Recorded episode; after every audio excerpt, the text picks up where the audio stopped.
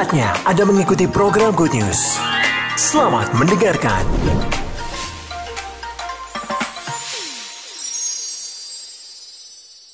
Ya, shalom saudara yang kasih Tuhan. Saya sangat-sangat diteguhkan dalam hari-hari ini khususnya mulai tahun baru ya. Kalau saya, kalau saudara menandai apa yang saya sampaikan kepada saudara atau kepada di mana saya melayani, Tuhan meneguhkan saya untuk menyampaikan hal yang paling hakiki dalam kehidupan kita sebagai orang Kristen. Yang malam hari ini saya tidak sebut lagi yang kemarin-kemarin. Yang malam hari ini saya maksudkan adalah kita menjadi Kristen itu bukan bukan bangga saja karena memiliki identitas yang baru. Tidak lagi. Kita bangga menjadi orang yang menjadi orang Kristen, manusia baru. Mungkin kita sudah memberikan cerita kepada yang lain, lahir baru dan seterusnya. Yang akhirnya puncaknya hanya bangga atas identitas. Tetapi hari-hari ini Tuhan sangat meneguhkan kita. Untuk kita lebih kepada tanggung jawab. Yang harus kita lakukan dalam kehidupan ini. Saudaraku yang kasih Tuhan. Tuhan dalam memilih bangsa Israel itu ada maksud dan tujuannya. Sebagaimana pernah dinyatakan kepada hambanya Abraham.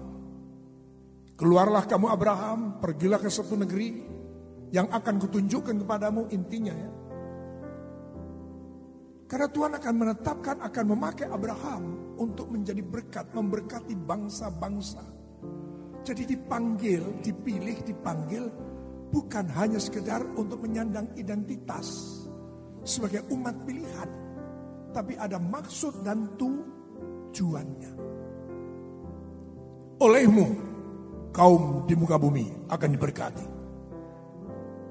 Maksud dan panggilan dan pilihan yang sama itu juga ditujukan kepada kita sekalian. Bahkan nilai panggilan dan pilihan Tuhan atas kita. Bukan saya mau mengatakan mau membandingkan lebih mahal. Tapi apa yang dilakukan oleh Tuhan itu memang harus dilakukan dengan cara apa? Memungkinkan saya dan saudara menjadi juga bangsa pilihan. Kalau waktu itu Tuhan tinggal nunjuk. Ya. Berdasarkan kasih karunia. Pertama kepada Abraham. Dan kemudian akhirnya kita tahu persis. Yaitu kepada Yakub yang disebutkan dengan Is Israel. Tetapi untuk saya dan saudara renungkan baik-baik. Tidak hanya ditunjuk. Tetapi dia harus mati di atas kayu salib. Oleh karena kematiannya, pengorbanannya. Terbukalah jalan oleh kasih karunia-Nya. Barang siapa yang percaya kepada dia. Tidak lebih nasa melainkan beroleh hidup yang kekal. Berikan tepuk tangan. Panggilan dan pilihan Tuhan tidak berhenti di situ. Tetapi ada maksud dan tujuan yang jauh lebih bernilai. Yang jauh lebih mulia. Saya sering kali menyatakan atau membaca kembali Yohanes 3:16 itu hanya untuk menyadarkan bahwa yang dimaksud yang saya maksud dengan bernilai itu adalah bukan hanya sekedar untuk hidup kita di dunia sekarang ini. Sehingga tidak dikatakan demikian. Karena begitu besar kasih Allah akan dunia ini, maka dikaruniakanlah putra yang tunggal agar kamu kaya hidup di dunia ini. Kan tidak begitu. Tapi dikaitkan dengan sesuatu yang ke kekal. Jauh di sana yang tidak nampak Halo, saya mengajak saudara dan saya memberikan arti nilai yang sebenarnya terhadap panggilan dan pilihan Tuhan. Sehingga tidak cuma bangga hanya punya identitas baru. Apalagi bukan sekedar sebagai orang Kristen. Tetapi lebih bangga lagi bagi mereka yang ada jabatan. Mungkin diaken, pendeta, hamba Tuhan. Hanya bangga dengan panggilan, hanya bangga dengan penyebutan tapi tidak berfungsi. Tuhan hari-hari bicara tentang hal ini. Dan saya perhatikan, saudara pasti memperhatikan apa yang sudah sampaikan pada ibadah hari Minggu. Pasti saudara akan menangkap hal ini. Sebagaimana contoh saya berikan dulu. Hari-hari ini Tuhan tidak hanya sekedar saudara kita beribadah, kita berdoa untuk diri kita sendiri. Tapi Tuhan mau ibadahmu dan doamu untuk orang lain. Untuk kota dan bangsa ini. Mari yang setuju boleh tepuk. Pernyataan kedua yang pernah saya sampaikan di dalam ibadah adalah bahwa sesungguhnya inilah saatnya, inilah masanya untuk kita menjalani hidup sebagaimana doa kita. Contoh ya, kita berdoa Tuhan, berkatilah bangsa Indonesia ini. Anugerahkanlah keselamatan bagi mereka. Tapi dalam kehidupan keseharian, saudara dipakai Tuhan untuk menjadi saksi, untuk ngalah. Ya, mungkin dalam antrian gitu ya, ngalah. Saudara nggak mau, doa ini hebat supaya bangsa ini diberkati mengenal Tuhan. Tapi realitanya dan kehidupan kita tidak mau dipakai oleh Tuhan. Nek coro Jawa apa maksudnya? Mana hebatnya? Kalau cuma bangga pada identitas. Demikian juga saya tidak nyalakan doanya, tetapi dorongan saya adalah kalau sudah berani berdoa seperti itu, maka relakan dirimu untuk dipakai oleh Tuhan. Demikian satu saat, dalam satu ibadah, hamba Tuhan yang berdoa juga berdoa, Tuhan, Jauhkan negeri bangsa kami dengan situasi dan kondisi yang intoleran. Tuhan kira-kira di surga kan kamu aja dengan sesamamu bodoh Kristen tidak toleran. Ya, nggak ada empati, nggak saling mengasihi. Tapi minta supaya negeri bangsa ini tidak diwarnai dengan intoleransi. Tinjau enak toh. Tapi tidak mau praktek. Ini contoh-contoh yang akan saya terus bagikan sepanjang tahun ini. Dan sekarang kita dipanggil, kita dipilih. Ternyata dalam Matius 22 mungkin Mas Erwin akan menolong kita. Di sana dikatakan dalam ayat yang ke 14 kalau tidak salah itu. Banyak yang dipanggil tetapi sedikit yang dipilih. Ya, saya ingin mengajak kepada kata ini, dipanggil, dipilih. Seperti apa nilainya? Ya. 22 ayat yang yang kedua yang itu banyak dipilih di perikop yang terakhirnya. Ya. Banyak yang dipanggil tapi sedikit yang dipilih. Ya. Oke. Okay? Jadi saya saya saya mau katakan dengan jelas, saya ingin mengajak saudara apa itu arti panggilan, apa itu arti pilihan. Yang intinya saya ingin mengajak saudara untuk menghargai kenapa sih saya dipanggil, kenapa sih saya kok dipilih. Ada apa sebenarnya? Akan tidak akan pernah terjadi saudaraku. Ya, apa yang dimaksud Tuhan memilih saudara dan saya dengan maksud yang mulia kalau kita tidak merespon dengan benar. Ya, dengan benar. Mari kita akan baca lebih dahulu dalam Matius pasal yang keempat dengan tema malam hari ini adalah tanggung jawab menjadi murid Yesus.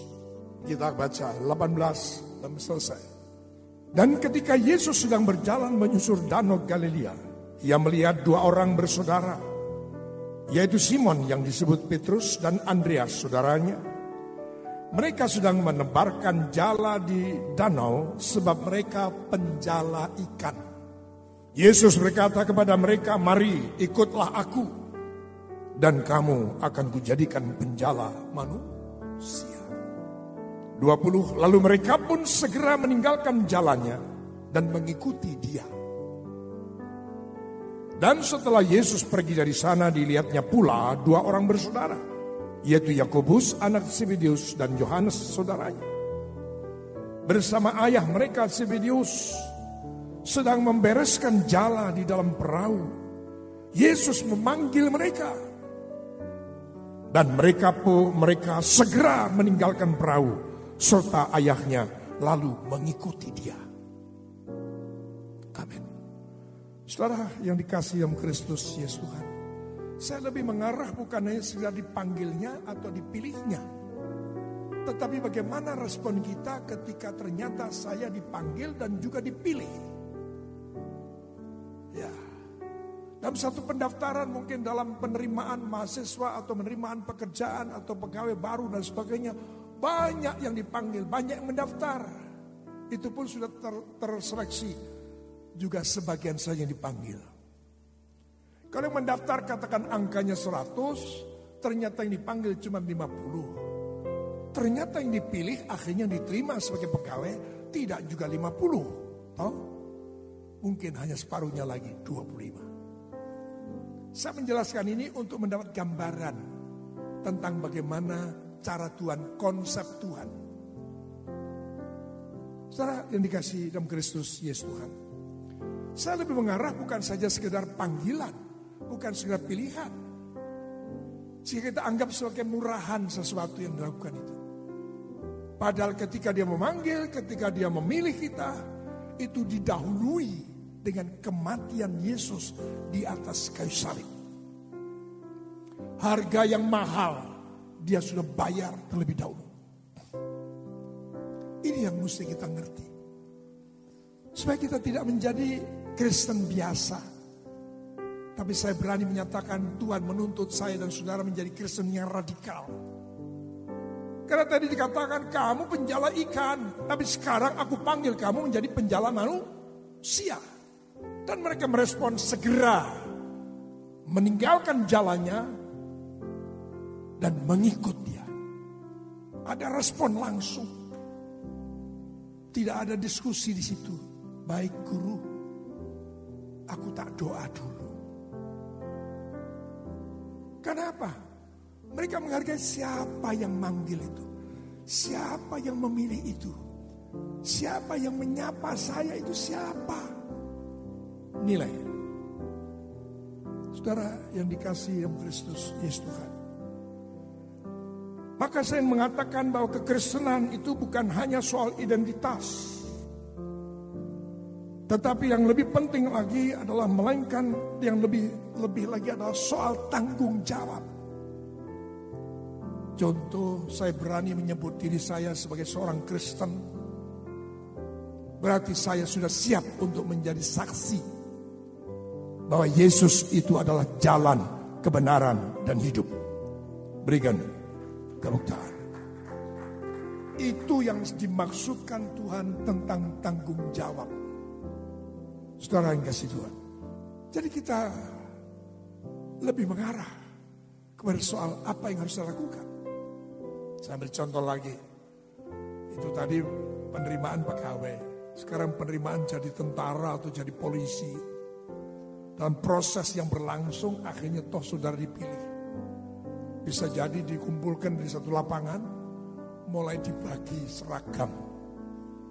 Dan saudara memakai seragam itu dengan bangga.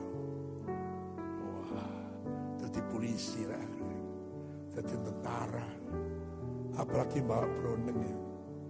Senjata maksudnya. Ya pistol atau apa. Wah gagah. Tapi ya tiap pagi sampai malam sampai sore ya cuma bangga pakai pakaian kau tidak melakukan tugasnya. Tuhan sedang menyoroti keberadaan kita di tengah dunia yang gelap hari ini. Apa yang harus kita pertanggungjawabkan kepada Tuhan atas pilihannya? Sebab firman Tuhan dengan jelas mengatakan, tetapi kamulah bangsa yang terpilih. Imamat yang rajani, yang suka mendoakan, menaikkan doa-doa syafaat yang tidak hanya mendorong soal pendeta yang harus berdoa. Tapi saudara pun sudah diizinkan, diberikan mandat untuk saudara diberikan kuasa berdoa, menaikkan doa syafaat. Kamulah imamat yang rajani, bangsa yang kudus, umat kepunyaan Allah sendiri. Saudara kasih, kasih Tuhan.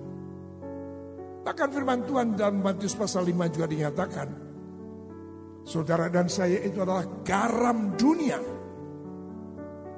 Dan kamulah juga terang du, dunia. Jadi bukan hanya sekedar identitas aku Kristen. Aku hamba Tuhan, aku pendeta, aku diaken, aku PDP, aku PDM, ya, atau PDT atau gembala, tapi tidak melakukan apa-apa. Saudara yang dikasih yang Kristus Yesus Tuhan. Mari saya ingin ajak saudara terlebih dahulu karena sudah saya berikan terlebih dahulu ngicipi dalam melalui renungan tadi pagi. Ya, tadi pagi ayo kita buka yang punya HP atau yang suka menerima atau suka baca maksud saya. Kalau saya bagikan kan semua saya bagikan. Ya. Tapi saya ingin mengajak saudara untuk mulai dari sana. Saudaraku yang dikasih Tuhan, judulnya sama, tanggung jawab menjadi murid Tuhan. Ayatnya sama. Ya, tetapi yang saya berikan catatan di situ adalah kita mesti bersyukur karena kita semuanya nomor satu ya sudah dipilih oleh dekarik oleh karena kasih karunia-Nya untuk menjadi, menjadi, eh, eh, menjadi murid Yesus. Itu terbalik ya. Murid menjadi murid Yesus. Itu kita harus bersyukur. Karena apa? Tidak semua orang dipanggil, tidak semua orang dipilih. Ya. Yang kedua, untuk memikul tanggung jawab yang baru untuk menjadi rekan sekerja Allah atau rekan sekerja Yesus dengan penuh kesadaran dan tanpa paksa. Seperti yang kita baca atau ayat ini tadi. Dengan rela hati kita meninggalkan cara hidup yang lama. Mereka meninggalkan jalannya dan mengikut dia. Itu ada keputusan yang spontan. Yang harus dilakukan, yang harus saudara lakukan.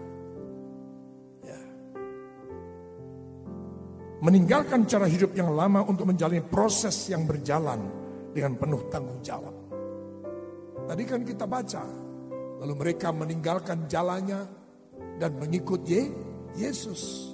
Tidak langsung dan mereka meninggalkan jalannya dan langsung mereka menjala manusia. Kan tidak. Artinya meninggalkan jalannya untuk menjala ikan lalu mengikut Yesus. Artinya siap untuk diproses siap untuk menjadi murid Yesus. Mari sekarang kembali pada catatan saya. Setelah yang soal kata hati atau renungan pagi tadi kita sudah membacanya. Saudara yang dikasih yang Kristus Yesus Tuhan, sekali lagi kekristenan bukan hanya sekedar identitas. Mungkin sampai saudara mengarah seperti berapa tahun yang lalu ketika saya berusaha dengan sangat apa sungguh-sungguh merubah yang namanya KTP. Prosesnya tidak begitu mudah. Ya, berapa kali itu baru sekian kalinya baru dituruti ketika ada ada apa, apa pendaftaran ulang baru ya boleh kan. Karena waktu itu saya bangga dong kalau disebut wah agama ya gitu ya. Ya dimulai dari yang namanya apa? KTP. Kemudian saya juga berusaha untuk merubah cara ngomong dan cara bicara dan cara jalan.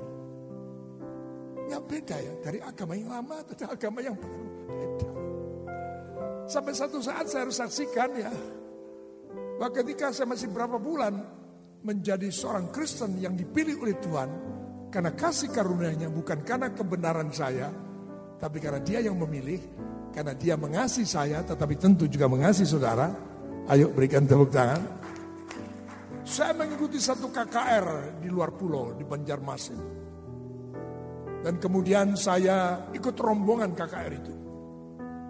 Tapi ya gaya bicara ini bahkan maaf, bahkan maaf. Saya dim-dim masih nyimpen.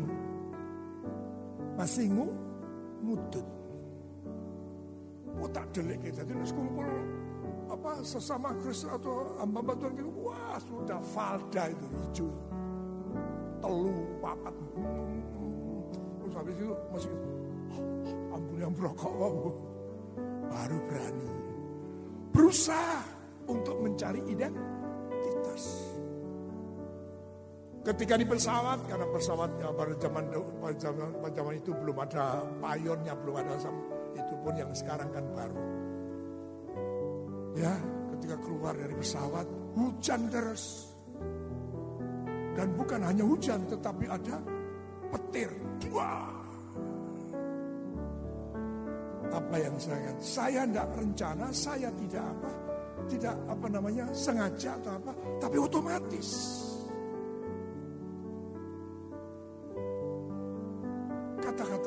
Agama yang lama keluar. Wow. Bungkam sendiri. Teman-teman yang sudah turun di bawah itu noleh. Sopo. Ya. Saudara yang dikasih Tuhan berusaha untuk mendapat identitas nggak salah. Tapi ketika engkau mendapatkan jangan berhenti dengan bangga identitasmu baru. Sebab Tuhan sedang ngenteni, nunggu mana peranmu, mana tanggung jawabmu. Yang setuju dengan saya boleh tepuk tangan bagi Tuhan Yesus. Maka saudaraku, tadi sudah diawali dengan membaca Matius pasal 22 itu, yaitu banyak ini panggil tetapi sedikit yang dipilih. Yang artinya ada nilai yang penting di mata Tuhan. Nilai yang mulia. Yang tidak sembarangan. Setelah yang dikasih yang Kristus, Yesus Tuhan. Sama ketika dalam proses perjanjian lama. Ketika Abraham kemudian dipilih untuk keluar dari negerinya.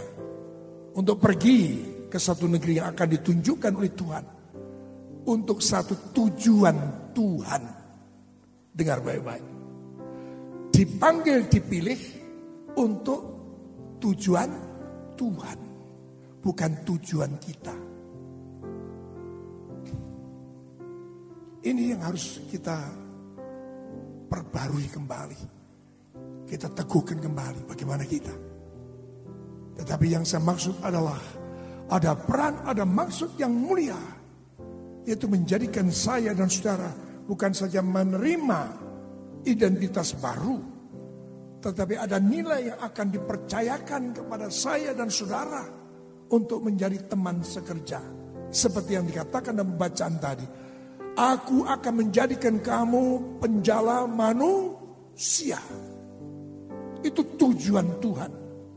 Bukan tujuan saya dan saudara. Tapi saya akan buat redaksi. Penuhi panggilan Tuhan. Penuhi jalani pilihan Tuhan atas hidup saudara dan saya. Dengan tujuan-tujuan Tuhan. Bukan tujuan Saudara yang dikasih yang Kristus, Yesus Tuhan. Karena ini hal yang sangat penting kita harus melihat hari ini. Dunia semakin membutuhkan karya Tuhan. Dan karya Tuhan itu selalu akan dikerjakan melalui gerejanya. Amin. Saya percaya banyak gereja sekian perjalanan mungkin 30-40 tahun dalam perjalanan saya mengikuti kegiatan-kegiatan sekota saya terlalu percaya bahwa Tuhan mendengar doa-doa gerejanya untuk negeri dan bangsa ini, untuk kota di mana kita tinggal. Amin. Artinya Tuhan itu menantikan peran dari gereja seperti yang saya sebutkan tadi di depan. Kamu adalah garam dunia. Kamu adalah terang dunia. Amin. Mari berikan dulu tepuk tangan bagi Tuhan Yesus. Jadi kepada peran, kepada fungsi, kepada maksud dan tujuan Tuhan lah kita harus berlabuh. Kita harus men berjalan menuju pada tujuan Tuhan. Jangan kekristenanmu kau maknai hanya dia Pak, puji Tuhan Pak. Yang punya hotel itu ternyata anak Tuhan Pak. Ini pasti apa dapat diskon kita nanti Pak. Senang yang punya hotel anak Tuhan tujuannya untuk kepentingan pribadi. Ini nanti banyak ya. Kita doakan supaya menterinya lebih banyak lagi anak Tuhan. Soal seperti itu tidak mas, tidak, tidak terlalu penting di mata Tuhan. Tuhan bisa pakai, batu pun Tuhan bisa pakai. Amin. Bahkan hewan pun Tuhan bisa pakai untuk maksud dan tujuan Tuhan. Karena Tuhan dalam segala sesuatu Tuhanlah yang berdaulat. Jangan sekali lagi saudara menjadi Kristen karena tujuan pribadimu. Jangan lagi apalagi hamba Tuhan hanya tujuan pribadimu. Jangan. Ini benar-benar harus dirombak. Harus dibenahi. Aku yang dikasih Tuhan. Karena masalahnya sekarang adalah apakah dalam kekristenan yang kita jalani Itu sungguh-sungguh kita memberikan tanggung jawab kita sebagai anak Tuhan, sebagai orang yang di, yang diampuni, sebagai orang yang mendapatkan keselamatan. Apakah kita menghargai apa yang Tuhan sudah lakukan untuk kita? Karena dengan kita menghargai pilihan apa yang Tuhan lakukan atas pilihannya, atas kita, itu artinya Tuhan sudah memberikan segala sesuatu yang terbaik. Dan saya ingin katakan dalam redaksi berikut, Tuhan tidak hanya sekedar memilih saudara untuk menerima keselamatan. Karena keselamatan itu nanti. Ya, tetapi memang ada kepastian. Terima Yesus, saudara pasti akan diselamatkan. Tapi selama hidup dalam dunia, Tuhan mau pakai saudara dan saya menjadi saksi dan Allah Tuhan. Mari berikan tepuk tangan. Haleluya. Menjadi rekan sekerja Tuhan. Ini yang harus, yang hari-hari waktu yang ter, terbanyak yang kita geluti hari-hari ini adalah hari ini hidup hari ini. Keselamatan itu nanti, sekalipun kita sudah pasti kita mendapat jatah, mendapat mahkota kehidupan untuk menerima hidup kekal. Tapi yang penting sekarang itu hari ini. Apakah peran itu, kepercayaan itu, ya fungsi itu kita lakukan. Ini yang harus menjadi pemikiran kita hari ini. Maka saudaraku yang dikasih Tuhan kita lihat coba itu kita bukti dengan menghargai pilihan Tuhan. Itu akan nampak dalam keseharian kita. Kita coba buka dalam Titus pasal yang pertama, ayat yang pertama. Mas media. Titus pasal pertama, ayat yang pertama. Dari Paulus hamba Allah dan Rasul Yesus Kristus untuk memelihara iman orang-orang pilihan Allah dan pengetahuan akan kebenaran seperti yang nampak dalam ibadah kita. Halo? Artinya kalau mau saya ringkas, untuk ibadah itu tidak perlu dipanggil-panggil, tidak perlu didorong-dorong. Saudara sudah bertanggung jawab atas sematan, atas penyebutan, atas pilihan Tuhan, atas saya, atas diri saudara. Berarti saya harus konsekuen, sudah menjadi pilihan Allah, menjadi uh, rekan sekerja Allah untuk beribadah kepada dia. Maka setiap kali ada ibadah, saya harus datang ibadah. Mari berikan tepuk tangan. Jadi tidak lagi harus, aduh sampai katakanlah pengurus gereja atau mungkin saya. Bagaimana ya caranya ya supaya doa malam banyak yang hadir. Supaya minggu itu kursi itu bisa tambah-tambah. Gimana ya? Padahal yang jadi Kristen, yang sudah yang terima baptisan ataupun penyebut dirinya Kristen dari jemaat kita sendiri. Banyak. Kenapa? Tidak nyadari bahwa panggilan dan pilihan Tuhan itu sangat bernilai, sangat berharga, sangat mulia. Kalau saja saudara mulai pimpinan perusahaan, ya oleh karena prestasimu lalu diberi hadiah. Apakah hadiah yang kau terima itu akan kau tempatkan dengan sembrono? Cara menerimanya saja pasti akan, wah. Apalagi kemudian mesti cerita ke luar orang. Aku terima. Kalau di perusahaan mana ini, Rembaka itu saya tahu 25 tahun terima kalung. Mesti cerita, wah, wih berarti sudah 25 tahun kerja di Oh 10 tahun malah, saya pikir 25. 10 tahun sudah dapat. Dihargai. Saudara bukan terima kalung. Bukan untuk yang 10 tahun. Tapi engkau menerima kehidupan yang kekal. Berikan tepuk tangan. Harus nampak dalam ibadah kita, kesungguhan kita, keseriusan, keseriusan kita. Nampak, tidak main-main. Ya, Saudara yang dikasih itu dalam Titus 1 ayat 1 ya saya ambil contoh saja. Sekarang kita lihat coba dalam 2 Petrus 1 ayat 10. 2 Petrus 1 ayat 10. Tidak muncul. Karena itu saudara-saudaraku berusahalah sungguh-sungguh. Supaya panggilan dan pilihanmu makin teguh. Sebab jikalau kamu melakukannya, kamu tidak akan pernah tersandung. Tepuk tangan yang panjang bagi Tuhan Yesus. Ini peringatan bagi saudara yang sering kali kecewa. Tersandung dengan si A, tersandung dengan si B, tersandung dengan hamba Tuhan, tersandung dengan gembala, tersandung dengan situasi, tersandung dengan pelayanan. Karena masih kalau masih tersandung itu berarti tandanya sebenarnya saudara belum sungguh-sungguh. Tapi kalau pilihan Tuhan engkau tangkap panggilan dan pilihan Tuhan engkau tangkap sebagai sesuatu yang mulia. Sesuatu yang kekal. Mau banyak berapa sih banyaknya sandungan. Engkau akan mampu melewati semua itu. Mari berikan tepuk tangan. Biasa ditegur sapa, satu saat tidak ditegur sapa. Pak Sudi saya sombong ya.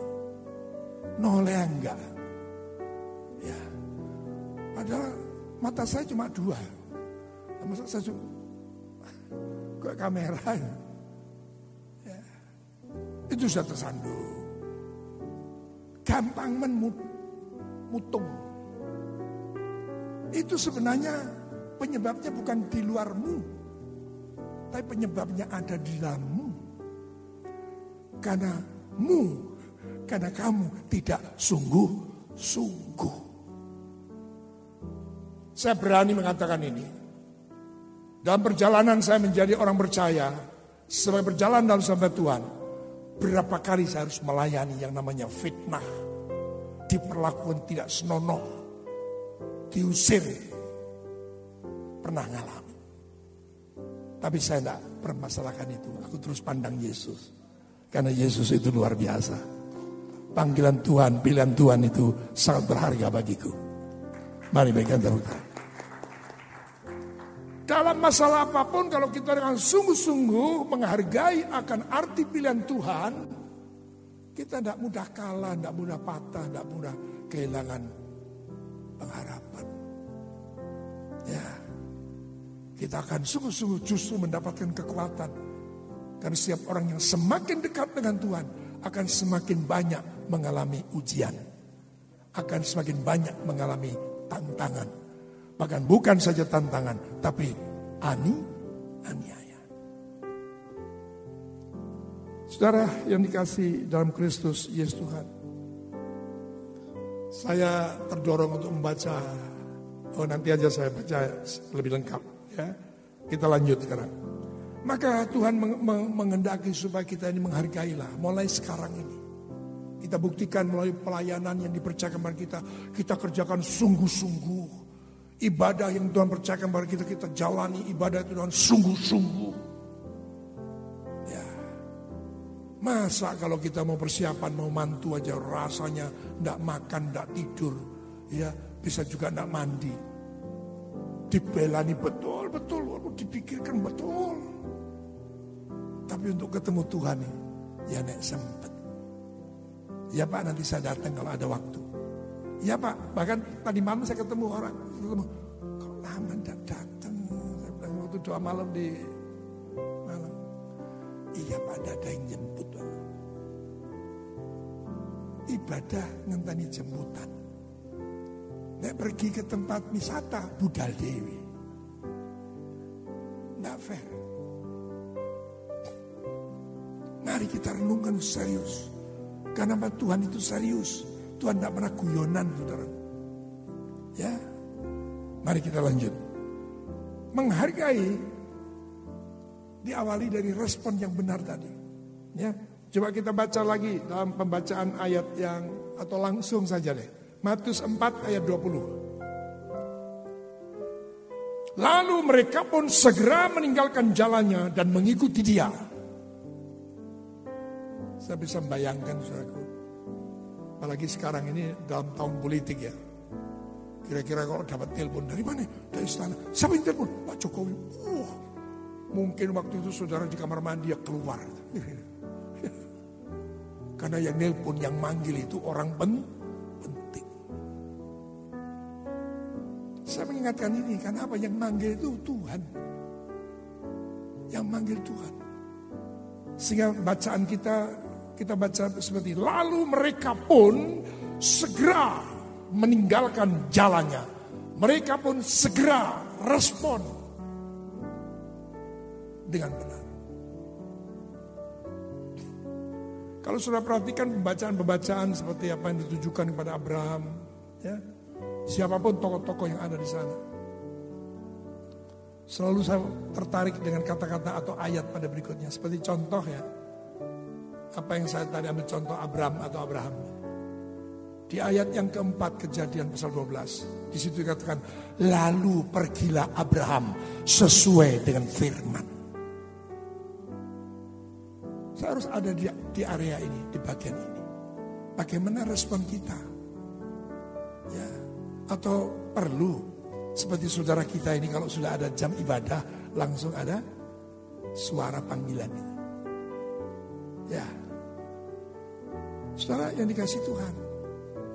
Kita perlu waspada, kita perlu berjaga-jaga, kita perlu bersiap-siap. Ya. Karena kita yang harus perhatikan, yang harus kita utamakan mendengar suara Tuhan. Bukan suara yang lain. Dan itu akan nampak bagaimana respon kita. Bagaimana cinta kita kepada Tuhan, kesungguhan hati kita kepada Tuhan. Itu akan nampak melalui respon kita. Ora lelet. Sudah tahu lelet ya?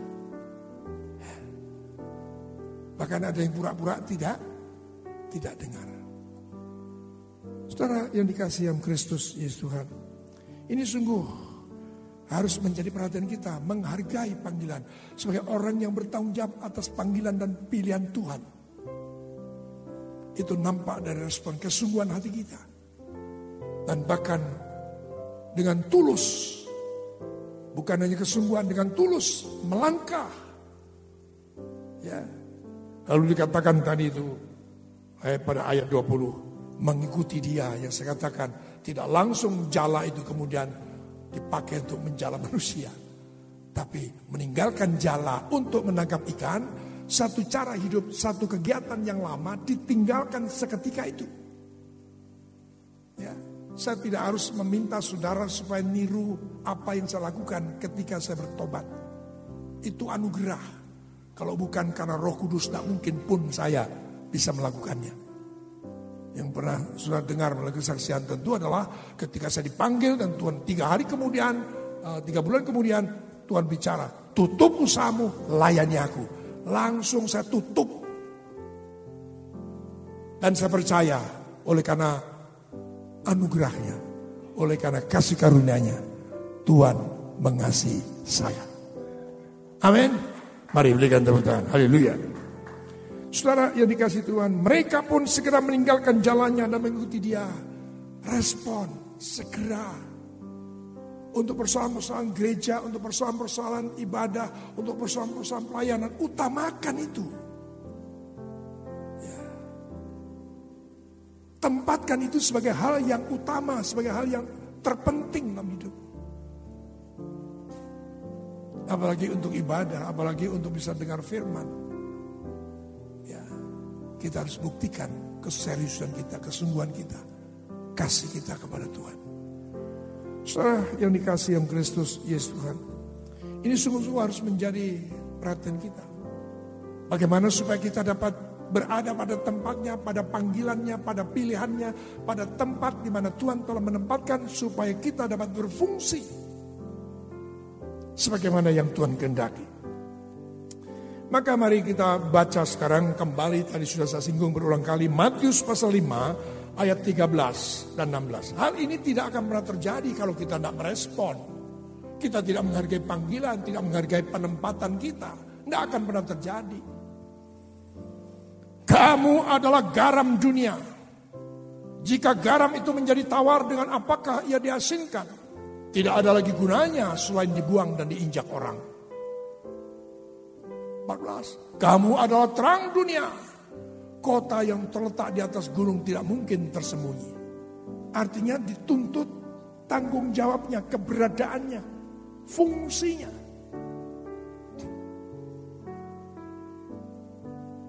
Lanjut. Oh ya, lagi pula orang tidak menyalakan pelita itu lalu meletakkan di bawah gantang melainkan di atas kaki Dian sehingga menerangi semua orang di dalam rumah itu. Amin. Itu tanggung jawab kita. Itu peran kita. Itu fungsi kita. Ya. Jadi jangan nyalahkan dunia atau jangan nyalahkan Indonesia atau nyalahkan kota atau kebijakan pemerintah kota atau pemerintah pusat ya. Kalau suasana yang tidak kondusif, bagaimana gereja banyak ditutup atau begini dan sebagainya. Itu memang diizinkan Tuhan kok. Karena Tuhan sedang ngenteni, nunggu mana peranmu. Halo, kita terlalu sibuk hanya kepentingan pribadi kita, kekristenan kita, keberadaan kita sebagai hamba Tuhan. Hanya untuk memenuhi kebutuhan kita. Padahal Tuhan mau, kamu tidak usah mikir kebutuhanmu. Kue kabeh aku yang mikir. Saya lakukan saja. Seperti murid-murid yang jadi penjala manusia itu sebelumnya kan ikan yang mengadakan ikan mencukupi ikan kan mereka sendiri. Tapi mereka harus menjadi penjala manusia. Saudara yang dikasih Tuhan, kita harus banyak lakukan sesuatu ketika menyebut diri kita Kristen, ketika menyebut diri kita sebagai gereja Tuhan. Kita harus lakukan banyak sesuatu.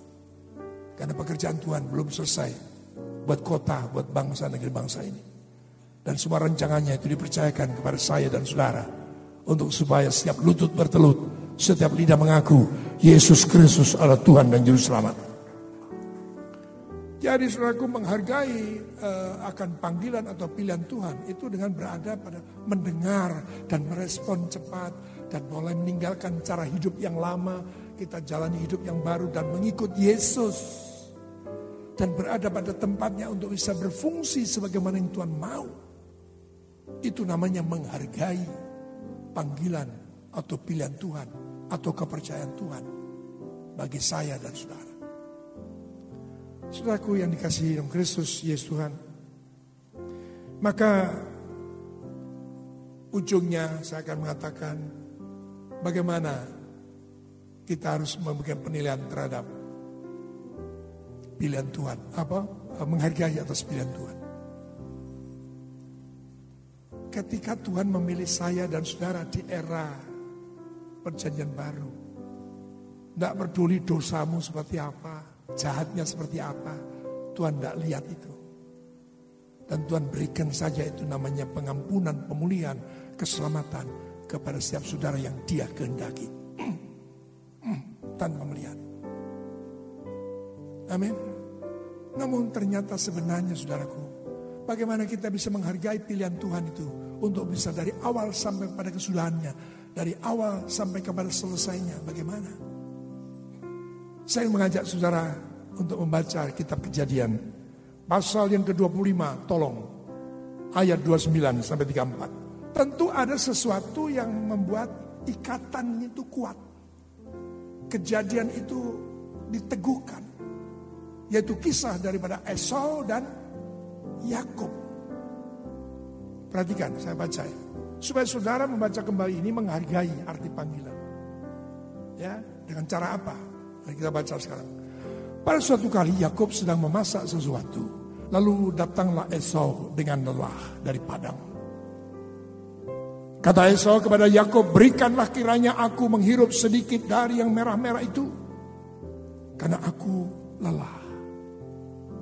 Itulah sebabnya namanya disebutkan eh Edom. Kalau tidak salah tadi dua orang yang makan apa, sop merah tadi. Kata Esau kepada Yakub, berikanlah itu, aku menghirup sedikit. Oke, sudah dibaca ya, 31. Tetapi kata Yakub, juallah dahulu kepadaku hak kesulunganmu. 32. Saud Esau, sebentar lagi aku akan mati. Apa gunanya bagiku hak kesulungan itu? Kata Yakub, bersumpahlah dahulu kepadaku. Maka bersumpahlah ia kepada Yakub dan dijualnya lah hak kesulungannya kepadanya. Lalu Yakub memberikan roti dan masakan kacang merah itu kepada Esau. Ia makan dan minum, lalu berdiri dan pergi. Demikianlah Esau memandang ringan hak kesulungan itu. Di mana bedanya pandangan Tuhan terhadap Esau dan Yakob Esau tidak peduli hal-hal yang rohani. Sementara Yakob lebih mengutamakan nilai yang rohani. Tidak makan sop merah, enggak apa-apa. Yang penting aku mendapatkan hak kesulungan. Adakah saudara hari ini lebih mengejar hal yang duniawi daripada hal-hal yang rohani? Kalau saudara menghargai pilihan Tuhan, harga yang dibayar oleh Yesus, saya percaya mulai malam hari ini engkau akan lebih menghargai, mengejar hal-hal yang rohani. Amin. Itu menjaga keberadaan kita. Jangan karena tampilan lalu apa dan sebagainya. Wah, enggak, siap saya Pak. Baju saya enggak kering. Nanti bagaimana di gereja nanti? Kan kusut begitu. Atau mungkin apa soal tampilan apa dan sebagainya. Enggak jadi hanya karena hal yang duniawi. Renungkan sungguh-sungguh. Karena ini saatnya Tuhan menilai kita. Karena akan datang masa sukar. Dan saudara pasti akan diluputkan. Karena engkau dipandang Tuhan lebih menyukai perkara-perkara rohani. Berikan tepuk tangan bagi Tuhan Yesus. Apa nilainya? Kenapa kemudian Israel, eh, Yakob menjadi Israel? Wah, tidak salah ternyata aku milih. Kop, mulai hari ini namamu bukan lagi Yakob, tetapi Israel. Gara-gara ini. Renungkan baik-baik. Ya, soal lapar, lelah, kekurangan itu manusiawi. Sering kita, sering kali kita pakai alasan itu. Nggak punya kendaraan, nggak bisa datang, atau masih lapar, lemah, nggak kuat jalan. Sudah saya beri contoh, dua tahun lebih saya sakit. Tapi saya tidak mau absen, bukan sekedar ibadah, melayani tetap. Karena celakalah aku kalau aku tidak memberitakan Injil. Amin. Bukan hebat tuh, memang seharusnya kita lakukan. Bukan saja saya, tetapi saudara semuanya. Yang setuju saja boleh tepuk tangan. Baik Tuhan Yesus. Artinya kalau sekarang saya simpulkan, saya, tadi malam saya sudah sampaikan dalam uh, Malang Study Blessing. Coba kita buka sekarang. Filipi pasal 3. Saya akan tutup mulai ayat ini. Kita mulai baca ayat yang ketujuh. Memikirkan hal, mengejar hal yang rohani daripada yang lahiriah, daripada yang duniawi. Dengar baik-baik. Tetapi apa yang dahulu merupakan keuntungan bagiku, sekarang kuanggap rugi karena Kristus. 8. Malahan segala sesuatu kuanggap rugi karena pengenalan akan Kristus Yesus Tuhanku lebih mulia daripada semuanya. Oleh karena dialah aku telah melepaskan semuanya itu dan menganggapnya apa? Sampah supaya aku memperoleh Kristus dan berada dalam dia bukan dengan kebenaranku sendiri karena mentaati hukum Taurat melainkan dengan kebenaran karena kepercayaan kepada Kristus yaitu kebenaran yang Allah anugerahkan berdasarkan apa? kepercayaan. Yang ku kehendaki ialah mengenal dia dan kuasa kebangkitannya dan persekutuan dalam sukacitanya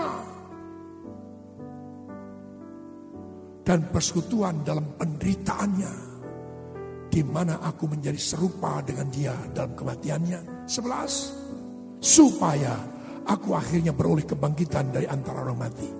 Amin. Ini diperjelas di perjanjian baru. Sikap sesuatu yang sudah dikerjakan oleh Yakub. Nggak masalah, dia sudah susah-susah masak. Lalu diberikan kakaknya. Tapi yang penting, sampai sedemikian pentingnya, ya berikan dulu hak kesulungan. Karena dia nggak penting ini, bersumpahlah lebih dahulu. Jadi serius, apa yang dibutuhkan oleh Yakub. Sementara Esau mengatakan, alah, bentar lagi aku pun mati. Buat apa kesulungan? Dibawa ke Indomaret ya tidak laku. Saudaraku, dengar baik-baik. Kalau kita ingin terus melekat pada Tuhan dan di mana pun dan keadaan apa pun Tuhan tetap mengatakan bagi saya dan saudara, kamu adalah umat pilihanku. Saya percaya gonjang ganjing, bencana, goncangan yang terjadi, saya dan saudara diluputkan Tuhan. Berikan tepuk tangan. Jadi ayo kita kibarkan, kita kejar tanggung jawab kita sebagai murid. Tanggung jawab kita sebagai orang yang dipercaya oleh Tuhan. Saya tidak harus perpanjang. Tapi kalau saya belum melihat saudara pemusik belum menaik, ya saya akan perpanjang satu jam lagi. Ya. Saya merindukan agar sungguh-sungguh kekristenan yang kita jalani itu on the track, ada tracknya. Ada tempat, ada jalan, ada tujuan yang Tuhan kehendaki. Amin.